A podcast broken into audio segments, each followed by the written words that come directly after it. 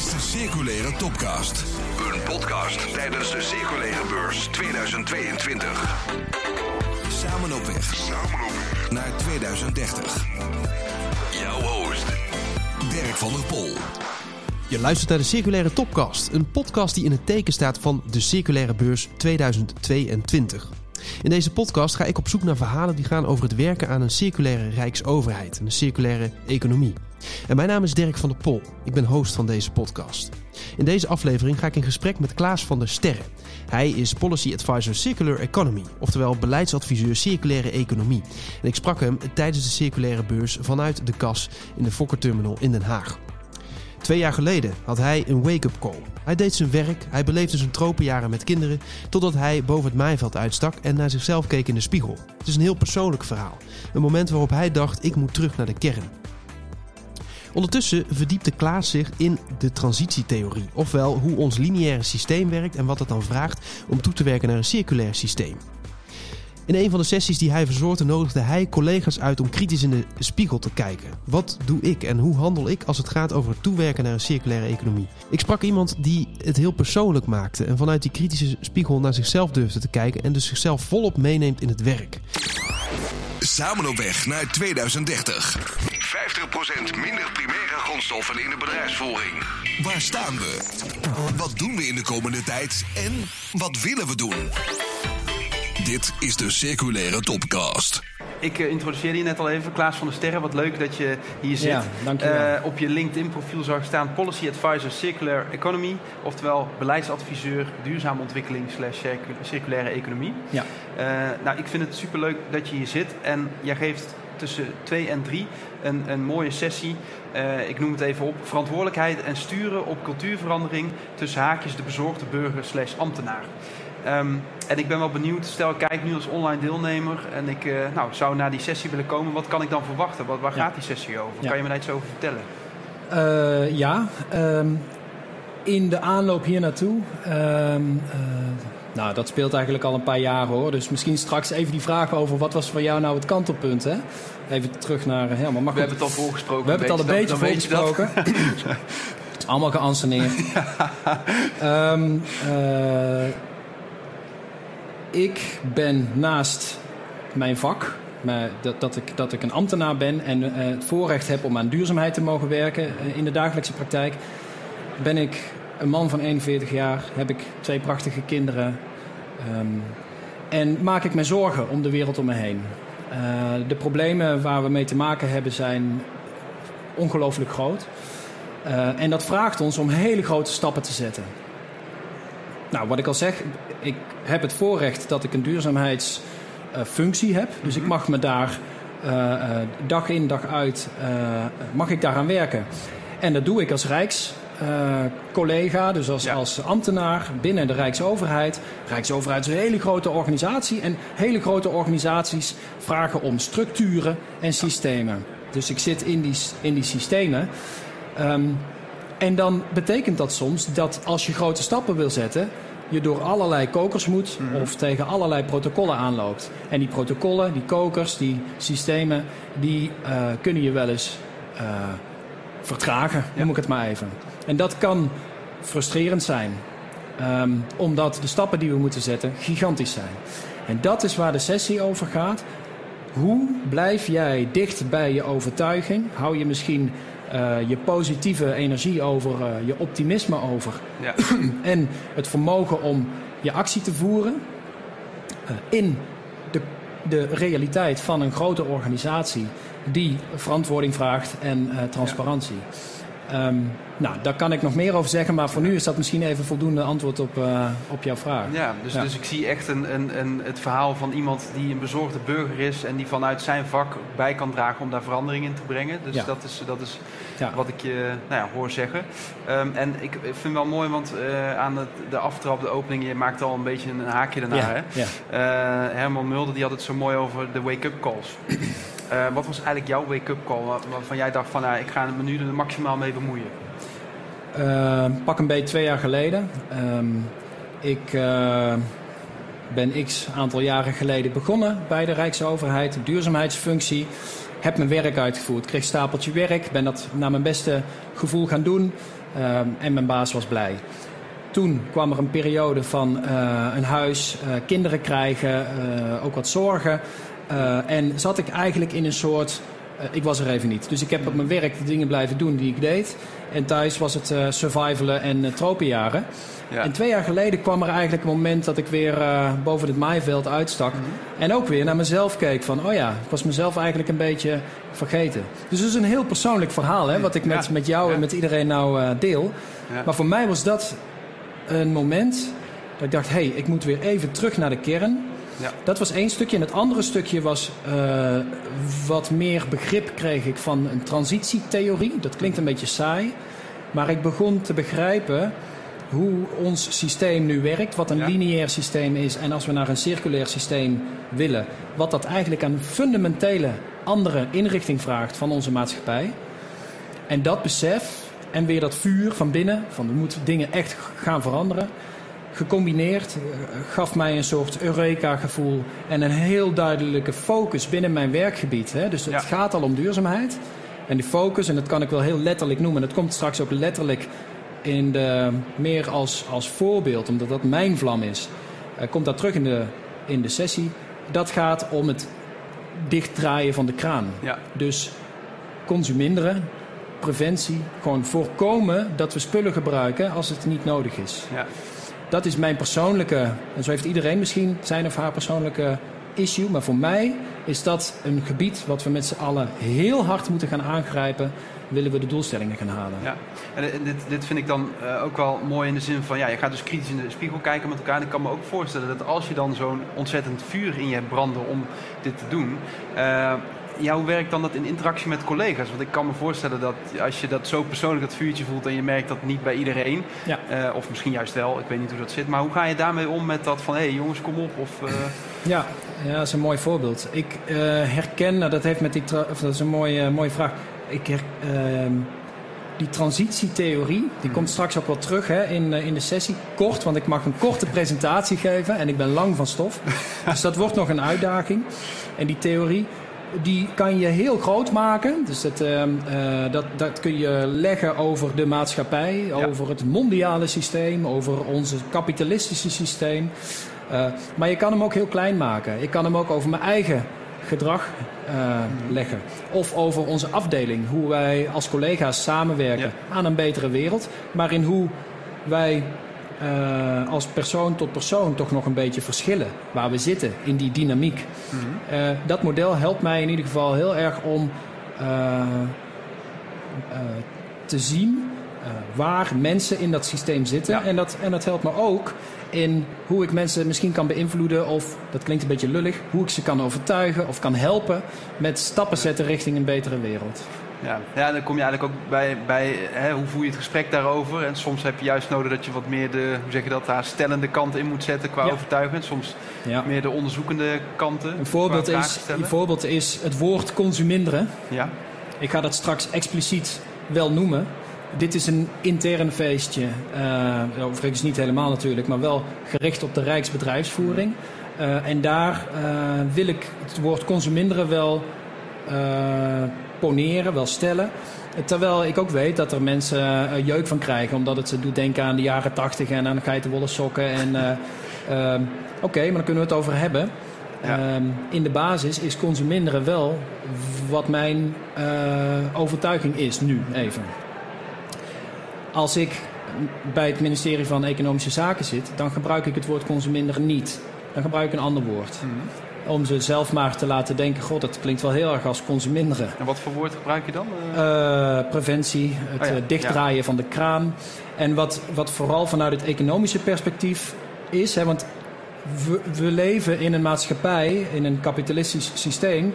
Uh, waarbij er een overtuiging is dat ons welzijn komt van uh, consumptie en productie, of productie en consumptie. Mm -hmm heeft ons ook heel veel gebracht. Hè? Dus dat is ook wel echt zo. Ja. Alleen de schaduwzijde, dat, dat zien we nu. Um, dus uh, moeten we naar een ander economisch systeem. En er zijn allerlei uh, um, uh, economische praktijken -hmm. die losgekoppeld zijn van grondstofgebruik. Ja. Ja, dat, zijn, dat zijn dienstverleners, dat zijn reparatiediensten, dat zijn ambachten, dat zijn onderwijs. Daarin zitten een heleboel ook zakelijke mogelijkheden. Uh, die mensen, als die werken, dan betalen ze ook belasting. Dus een economische zaken vindt dat in principe ook prima. Ja. Alleen is het losgekoppeld van laten we gaan produceren van de grondstoffen uit de aarde. Laten we daar twee jaar lang uh, mee kunnen bellen. Uh, en vervolgens nou, kijken we of we nog naar Afrika ja. kunnen sturen. Want dan kunnen ze nog een jaartje bellen. En dan gaat hij op het strand ergens op een afvalberg. Um, dat is nu het systeem. En dat is dus het foute systeem. Maar dat zal iedereen snappen. Um, ja, ja, nu is het dan van, hè, hoe gaan we dan naar dat andere systeem? Exact. Van het, ja. van het circulaire, of Ja. naar het circulaire toe, zeg maar. Gelukkig zijn er allerlei mooie voorbeelden. Komen ook aan bod. Dus kom naar de sessie. Dat was de functie van dit overleg, toch? Ja, nee, zeker. Ja, het verleiden om naar die sessie te komen. Kan jij eens een voorbeeld uitlichten waarvan je zegt van, nou, daar ben ik echt trots op dat, dat we daarmee bezig zijn of dat dat lukt? Of, Zeker. eh, Ja. Ehm, ik kwam na die eh, twee jaar geleden, de, de wake-up call, eh, terug op mijn werk met allerlei goede voornemens. mhm. Ik ga het anders doen. Ik had een grote mond richting mijn, eh, mijn manager. Gelukkig eh, heb ik een goede relatie met mijn managers. Ehm, ik ga het anders doen. Ik heb een overtuiging. Eh, nou, dat vonden ze prachtig om te horen. Maar ik heb ook een werkpakket. er zijn programma's waar ik gewoon in werk. Ehm, dus voor mij was de uitdaging om mijn overtuiging ehm, op te lijnen of in, eh, om dat te, ja, in te voegen in mijn werkpakket. Mhm. En, in- en gelukkig is dat bij mij heel goed gelukt. Eh, en dat betekent heel concreet, eh, waar ben je trots op? Ehm, eh, ik ben in twee verschillende programma's nu bezig met de, nou ja, de facilitaire keten. Dus Ja. de leveranciers, de facilitaire dienstverleners aan onze eigen bedrijfsvoering. Maar ook, dit gaat niet alleen over de Rijksoverheid, maar ook over eh, een andere organisaties links en rechts. Iedereen mag, mag meedoen daaraan. En de vraag die we eigenlijk stellen aan die facilitaire dienstverleners: hoe kan jij jouw klanten ontzorgen als het gaat om afval? Dus wat moet jij anders doen zodat de afvalbakken bij jouw klanten, bijvoorbeeld eh, een Rijksoverheid, Ja. maar dat kan ook een eh, hogeschool zijn of een eh, sportvereniging. ehm, hoe kan je ervoor zorgen dat die bakken leeg blijven? Wat moet jij doen? Ja, als het gaat om catering, als het gaat om schoonmaak of kantoorstoffering. Of, dat zijn allerlei categorieën waar mensen hele slimme diensten kunnen aanbieden die ervoor zorgen dat het afval minder wordt. En dan ga je dus naar lenen, delen, eh, statiegeldsystemen om verpakkingen te verminderen. Het zijn andere systemen waarin dus bijvoorbeeld, waarin dat, wat ik net al zei, dienstverlening Ja. en ook ambachten, als er dingen gerepareerd moeten worden bijvoorbeeld, ehm, een, een hele prominente plek innemen. En die gewoon, die, die businesses die zijn er al en die voorbeelden komen straks ook een beetje aan bod als het goed is. Eh, nou ja, daar, zijn, daar ben ik trots op. Ja, ik, hoop dus die nieuwe economie, delen, lenen, ook soms kleine organisaties van jonge gasten die dat nu aan het optuigen zijn, via die grote facilitaire dienstverlenende organisaties. Het zijn echt. eh, en, die, Ja. en dat is eigenlijk een portaal om het binnen de bedrijfsvoering te brengen. Nou, mooi. Ik zie ook echt bevlogen gebaren Ja, maken, dit, is, dit is, ja, dit is omdat het uit mijn buik komt. Het is een taai onderwerp. Nou, ik zie je bevlogenheid. Tegelijkertijd is het ook weer een kunst van, ja, hoe houd je het ook een beetje leuk of zo? Dus, eh, Ja, dat is ook een hele goede vraag. Ehm ehm, poe, poe, poe. Ja, voordat ik ga zeggen dat ik een pessimist ben, nee. Ik speel veel met die filosofische vraag ook. Ehm, eh, kennelijk houd ik het vol. Als ik het niet zou volhouden, dan zou ik echt een pessimist zijn. ja. Eh, het is bij mij een soort automatisme om, om hierin vast te bijten en in door te gaan. Ik denk dat, dat wat mij eh, blijft voeden, is voor een deel dat vuur van binnenuit, wat ik zelf echt opnieuw dus, ben er ook heel dankbaar voor dat ik dat, eh, dat moment heb meegemaakt en dat het mij zoveel richting en eh, goede energie geeft. Ehm, en het andere stukje is eh, met jou dit gesprek mogen voeren. Of met iemand op mijn afdeling. Of met iemand hier op de vloer die datzelfde stukje heeft. En elkaar een beetje besmetten met, eh, ah, je hebt het ook. Hè? Dus, dus ook, eh, ik sta niet alleen. Die wetenschap, die houdt mij wel op de been ook. Ja. Nou, mooi. Ja, ja, tof. En dat is eigenlijk ook wat je, misschien vul ik het dan in, maar als je aan het einde van eh, de, de, de presentatie die je straks gaat doen, of wat je straks voor sessie gaat, begeleiden, zeg maar. Is dat dan ook iets wat je hoopt te bereiken, dat dat vuurtje uh, Ja. verder aangewakkerd wordt? Eh, Dat is mijn hoop natuurlijk, ja. ja, Maar meestal is het wel eh, aan, eh, hoe zeg je dat, eh, besmettelijk, dat vuurtje. Dus, eh, Hey, en eh, ik ben ook nog wel benieuwd, eh, aangezien het toch in de, in de spiegel kijken is, hè, wat is het meest circulaire dat jij recent gedaan hebt?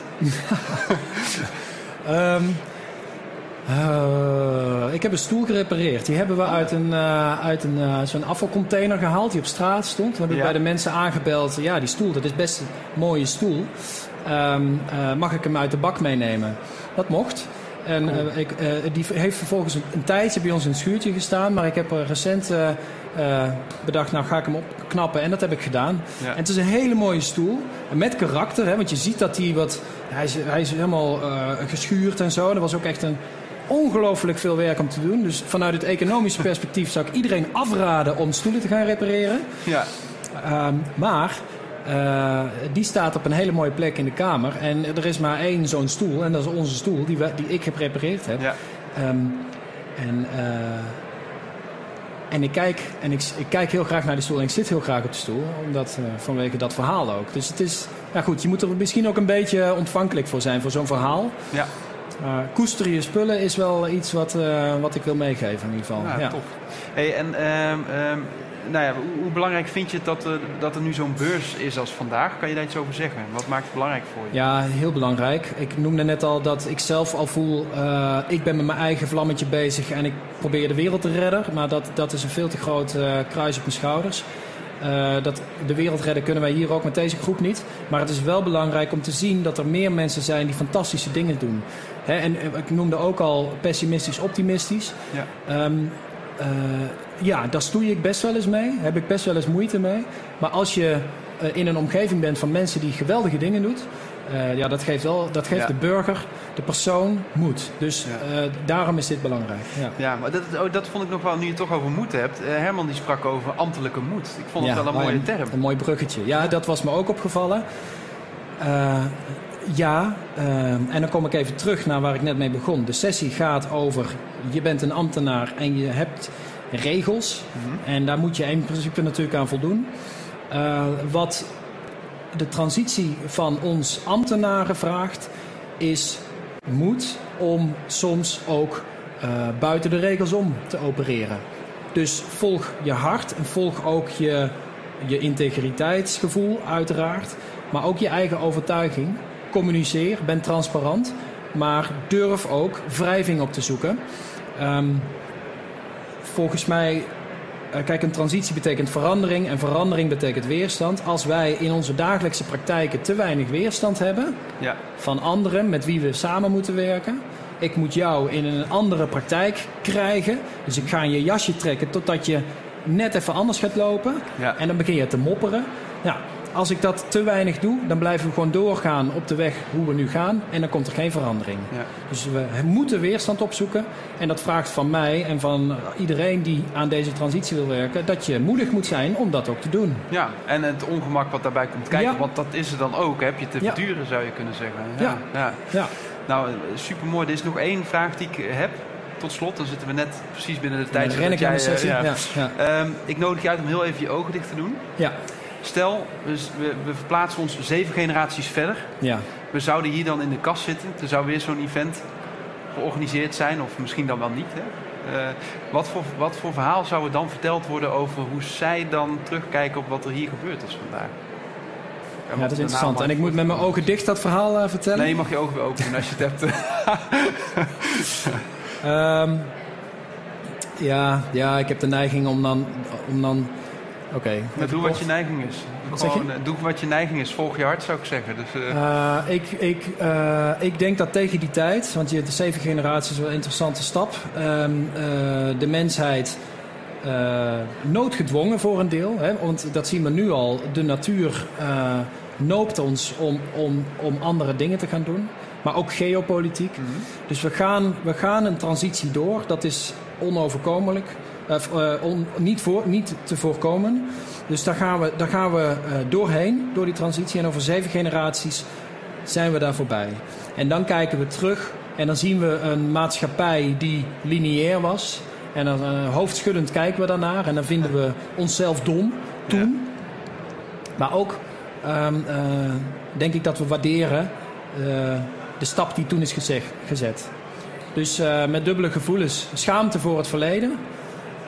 En trots dat we het roer konden omgooien. Ja. Tot zover het interview met Klaas van der Sterren. Ik uh, vond het ontzettend mooi om zijn bevlogenheid te horen en de manier waarop hij ja, zelf kritisch in de spiegel durft te kijken van wat doe ik nou als het gaat over het werken aan de circulaire economie. En dat hij zijn collega's ook echt uitnodigt uh, om ja, datzelfde te doen en vanuit daar actie te ondernemen. Dus nou, om in termen van Malou te spreken, ik heb echt een, een, een changemaker ontmoet. En uh, nou, ik wens Klaas heel veel succes en moed ambtelijke moed om hierop door te zetten. En volgens mij is deze beurs daar een, een prachtige gelegenheid voor geweest om die ambtelijke moed te laten zien. Dus Klaas, bedankt. Dit was de Circulaire Topcast. Een podcast tijdens de Circulaire Beurs 2022. Geproduceerd door KNS Broadcasting.